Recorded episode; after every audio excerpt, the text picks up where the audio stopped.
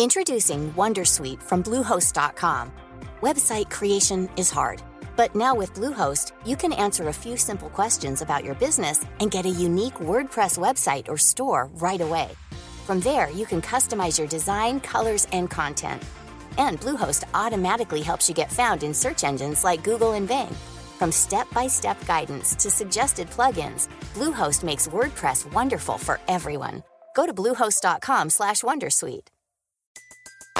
Everybody in your crew identifies as either Big Mac Burger, McNuggets, or McCrispy Sandwich. But you're the filet fish Sandwich all day. That crispy fish, that savory tartar sauce, that melty cheese, that pillowy bun. Yeah, you get it. Every time. And if you love the filet of fish, right now you can catch two of the classics you love for just $6. Limited time only. Price and participation may vary. Cannot be combined with any other offer. Single item at regular price. Ba da ba ba ba. Hej och välkomna till Teknikveckan. Jag heter Peter Esse och i denna veckans Teknikveckan special så ska vi eh, diskutera ett lite nygammalt ämne som eh, nästan från ingenstans blev aktuellt igen, nämligen Julian Assange. Och med mig har jag Mark Klamberg, rektor och docent i folkrätt på Stockholms universitet, men just nu verksam vid Oxford. Först vill jag veta, vad är en lektor och en docent egentligen? En lektor eh, det är en lärare på, på universitetet. Så det, eh, då behöver man normalt en, en, en doktorsgrad, att man har doktorerat. Så det, det är så att säga tjänstetiteln. Eh, docent det är mer en akademisk titel som anger att man har gjort skrivit mera, forskat mera utöver att man har en doktorstitel. Så det är lite halvvägs mellan doktor och professor. Hur kommer det sig att just du eh, har fått mycket frågor och skrivit en hel del om just eh, Assange? Jag tror jag skrev en kort eh, bloggpost. Eh, jag tror jag kan nog gå tillbaka och kolla i min blogg. Men det var, eh, det var om något som vi kallar specialitetsprincipen. Och sen tror jag att eh, det var någon journalist som plockade upp det och sen rullade på. Nu är det ju i högsta grad aktuellt igen och ryktena säger ju att eh, Ecuador fick helt enkelt eh, bli ganska trött på Julian Assange. Han kunde inte bete sig på, på deras eh, ambassad. Men är det så lätt att bli av med ett eh, nyvunnet... Eh, han blev ju till och med fick ju medborgarskap. Om man tar det här från folkrätten va, så länder får ju själva bestämma frågor kring medborgarskap. Det som folkrätten sätter upp ett hinder det är att man man får inte göra människor statslösa. Jag uppfattar ju då att eh, Julian Assange har ju då dubbelt medborgarskap. På det sättet så kan man ju då frånta medborgarskap men under vilka förutsättningar man kan göra det, det är ju, då får man ju framförallt titta på Ecuadors lagstiftning. Det finns en annan del i din fråga och det handlar ju om att han hade någon form av asyl på Ecuadors ambassad. Och då, normalt så är det så för att få asyl så måste man bege sig till ett annat land och då söka om asyl. I Latinamerika så har man instiftat ett eget regelverk utöver det här regelverket som vi har i hela världen. Det går ut på att man även kan få asyl på en ambassad. Men grunden är på något sätt att om man får... Det, det är att ambassader, de är förvisso skyddade, de, de är okränkbara. Värdstaten, den här Storbritannien, får ju inte ge sig in på, på Ecuadors ambassad. Men eh, enligt då Wienkonventionen om diplomatiska förbindelser så har, har då Ecuador likväl en skyldighet att följa brittiska lagar och inte störa ordningen i, i Storbritannien. N när man då har en ambassad och diplomater så kan de inte riktigt göra vad som helst även om själva fastigheten är skyddad och så vidare. Och Det följer att eh, det är ganska rimligt att man har synpunkter på vad gäster, i det här fallet Assange, gör så att säga. Kan det ha också det faktumet att eh, Ecuador har ju bytt regering? Ja, alltså det, det verkar ju absolut spela in. Det, där, det var ju den förra presidenten som erbjöd och gav eh, Assange eh, asyl. Den här nuvarande verkar vara mer skeptisk till Assange. Det finns ju fyra länder som är inblandade. Vi har Sverige för att det har skett ett allmänt åtal mot Julian Assange baserat på Eh, påstådda överträdelse med eh, två kvinnor. Det är inget åtal ännu utan det, det man har eh, det är då att han ska vara frihetsberövad. Åtal, så långt har det inte kommit ännu. I, I, Sverige så har vi då åtalsplikt.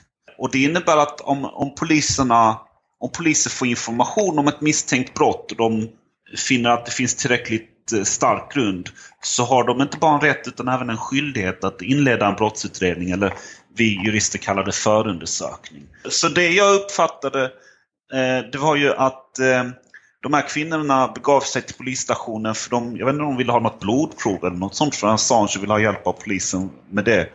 Och när de då berättade vad som hade hänt fann polisen att det här kunde vara ett brott. Och det var, det var så det började. Men sen vill jag gärna avsluta din... Du, för jag, jag avbröt ju dig. Jag, jag vill ju be om ursäkt om det. För du sa att det var fyra länder. Det är ju Sverige, Ecuador, Storbritannien och USA. Det var väl de fyra du tänkte på? Just precis. Och Australien också ska ju sägas. Han är ju australiensk medborgare. Ja. Ja, och Ecuador eh, helt enkelt tog sig an eh, den här för det kunde vara eh, vad man ansåg då var ett politiskt ärende eller att det kunde ske ett politiskt åtal då. Har det att göra med någon form av allmän dålig relation till USA? Sammanhang? Så som jag uppfattar det så USA ser lite Latinamerika som sin bakgård. Och eh, då finns det ju en del länder som, som inte vill vara bakgård till USA. Som då har någon form av, upplever någon form av konflikt med, med USA. Så jag, jag tror det var, det var lite mot den bakgrunden som, som Ecuador tog sig an Assange. Syftet egentligen med den här eh, intervjun är att få, få koll på detaljerna. Han var i husarrest och sen så släpptes han eh, och skulle bli utlämnad till Sverige. Eller flydde han från sin egen husarrest i Storbritannien? Man hade ju inlett en förundersökning när han var i Sverige och sen reste han till Storbritannien. Och då finns det ju lite olika versioner. Jag eh, kan nog inte uttala mig om vilket som stämmer, men något förenklat så då, då ville den svenska åklagaren få tag på honom så då utförde de en arresteringsorder och då finns det något som heter europeisk arresteringsorder. Där de begärde då att eh, brittiska myndigheter skulle gripa honom och överlämna honom till Sverige. Och då blev det en rättsprocess och under den här processen Eh, så eh, erbjöds då Assange, för det kan man göra i Storbritannien men inte i Sverige, att man då man behöver inte befinna sig i ett häkte utan istället så kan man befinna sig på en plats i Storbritannien mot att man betalar borgen. Alltså man överlämnar en, en summa pengar till, till eh, domstolen. Då måste man befinna sig på den här platsen och infinna sig på förhör hos, hos eh, brittisk polis som jag uppfattade så kom det ett slutligt beslut då från Storbritanniens högsta domstol att han skulle överlämnas till Sverige. Och det var i samband med det som han begav sig till Ecuadors ambassad. Med den officiella anledningen att han var då rädd för Sverige skulle utlämna honom till USA. Ja, så det är det, det, det, det, det han angav. Precis. Det som jag själv har väldigt svårt att få ihop är. Finns det någonting som gör att man riskerar att bli utlämnad till USA för att man eh, sitter på en svensk polisstation i ett förhör jämfört med att bara bo och leva i Sverige eller Storbritannien eller för den delen Australien?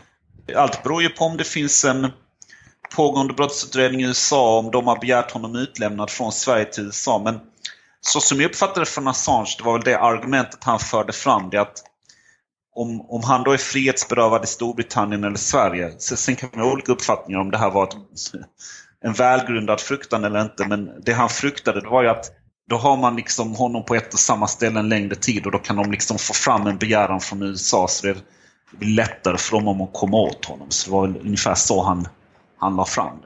Hur välgrundat är det? Alltså finns det några fall? Jag menar, man diskuterar det här på internet så brukar man ju höra om de här egyptierna. USA bara landar med ett flygplan in med dem och flög vidare. Är det en relevant eh, jämförelse? Hur fungerar det här på den globala arenan? Storbritannien är ju närmare allierad med USA än vad Sverige är. Så i min värld så är det väl lika lätt eller lika svårt för USA, kanske till och med lättare att få honom från Storbritannien. Jag ska förklara varför, jag tror, varför det nog kan vara svårare att få honom från Sverige. Men det var ju en del av din fråga om de här Egyptensvenskarna. Så det var ju, uppfattade jag, i slutet av 2001 då det var två svensk, eh, ja, två egyptier som vistades i Sverige som svenska myndigheter då överlämnade till amerikanska och sen flögs de ner till Egypten. De utsattes för tortyr. Och det var ju fel. Ja, det var ju en skandal. De här två personerna de ersattes senare ekonomiskt av svenska myndigheter och jag tror en av dem fick också tillstånd och är nu i Sverige som någon form av, någon form av upprättelse. Det som, som jag tycker kan vara värt att flika in det var ju att de här Egyptensvenskarna de eh, hanteras ju helt utanför systemet. Det var inga domstolar inblandade. Allt skedde i stor hemlighet. Eh, Assange-fallet är ju annorlunda för det är ju, allt sker ju väldigt publikt enligt liksom alla regler. Va? Det är det ena. Eh, det andra är att några år senare så var det ett amerikanskt eh, flygplan som landade på Arlanda där svenska myndigheter misstänkte att det var en sån här fångtransport. Där de hade då misstänkta terrorister som skulle föras till något hemligt eh, förhörscenter. MUST, den svenska militärunderrättelsetjänsten, de begav sig in i hemlighet i flygplanet och fann då att det var personer som var fångade där. Och eh, svenska UD reagerade väldigt kraftfullt och markerade mot USA att det här får ni inte göra. Jag tycker det är ett exempel på att om vi kanske var lite så eh, tillmötesgående mot USA då 2001 så lärde vi oss en läxa så att säga. Och Jag tycker det är också relevant att just då efter, efter september 2001 så var det väl en hel del stater däribland Sverige som man gjorde saker man inte borde göra. Men jag tror man lärde sig ganska snabbt att vi, vi kan liksom inte göra avkall på rättssäkerhet och så vidare. Den här historien för övrigt om, om det här flygplanet och de svenska protesterna, det var ju det var ju hemligt, det var inget offentligt, men det kom ju fram genom läckor som Wikileaks publicerade. Så det är därifrån vi vet det. I din fråga låg ju liksom, är det lättare eller svårare att få honom överförd från Sverige eller Storbritannien? Och om han, det vi ser nu det är ju att det fanns ju en eh, brottsutredning i USA. De har begärt honom överlämnad. Det man ska komma ihåg att det här var ett beslut från 2018. Som, som, som den här arresteringsordern utfördes mot Assange. Så när, när det här drog igång var det 2012. Och vi har, vi har inte sett någon arresteringsorder från 2012 utan den arresteringsordern som, som nu har kommit ut den är från 2018. Det är inte självklart att han kommer överlämnas från Storbritannien till USA. Dels måste det ju vara ett brott i USA. Det är inte självklart att det han har gjort är ett brott i USA. Det andra är att brittiska myndigheter måste ju ta ställning till om Assange kan utsättas för tortyr eller omänsklig behandling om han kommer till USA. Och också om det här är ett exempel på någon form av politisk förföljelse, för då, då ska man ju inte då överlämna honom. Så det är ju hinder som finns redan när han ska överlämnas från Storbritannien till USA. Om man tänker sig då en situation där han skickas till Sverige så finns alla de här hindren kvar plus fler hinder som gör det ännu svårare att överlämna honom. Ett, ett sånt hinder det är det vi pratade om tidigare här med specialitetsprincipen.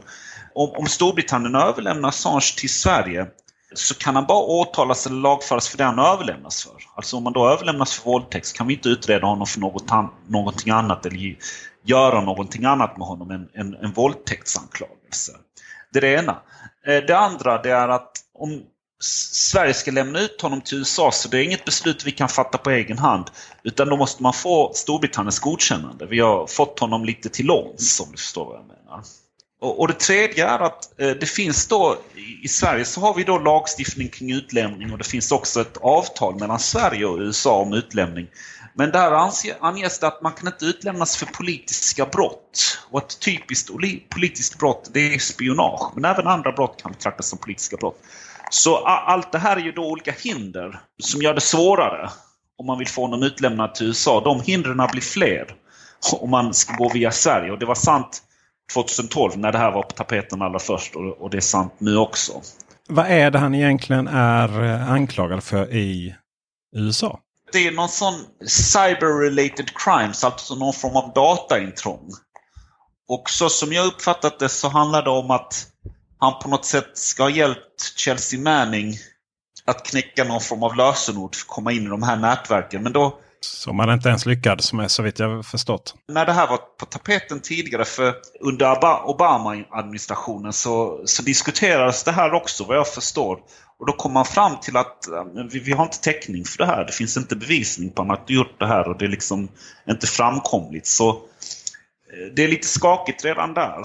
Är USA en rättsstat? Kan man lita på att eh, han faktiskt åker dit och eh, då bli åtalad och kanske till och med dömd för försök till eh, att hacka de här filerna.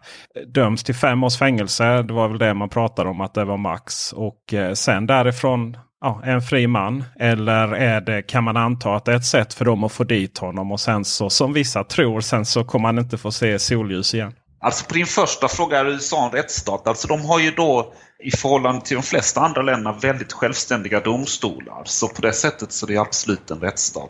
Det som jag ändå är lite oroad över Det är frågan hur det skulle hanteras av domstolar. Du, du var lite inne på det. det att, låt säga att Storbritannien överlämnar honom från de här eh, cyber-related crimes som då kan ge fem år. Kommer de bara åtala för det eller kommer de liksom expandera åtalet och få det till att handla om andra saker som kan ge värre påföljder? Och det, det tror jag någonting man kan utesluta. Så att, eh, jag, jag, kan verkligen förstå om Assange liksom eh, lyfter den frågan. Och om brittiska myndigheter skulle komma fram till att han kan överlämnas så, så bör de, eh, eller måste de se till att han bara kan åtalas för det han överlämnas och ingenting annat.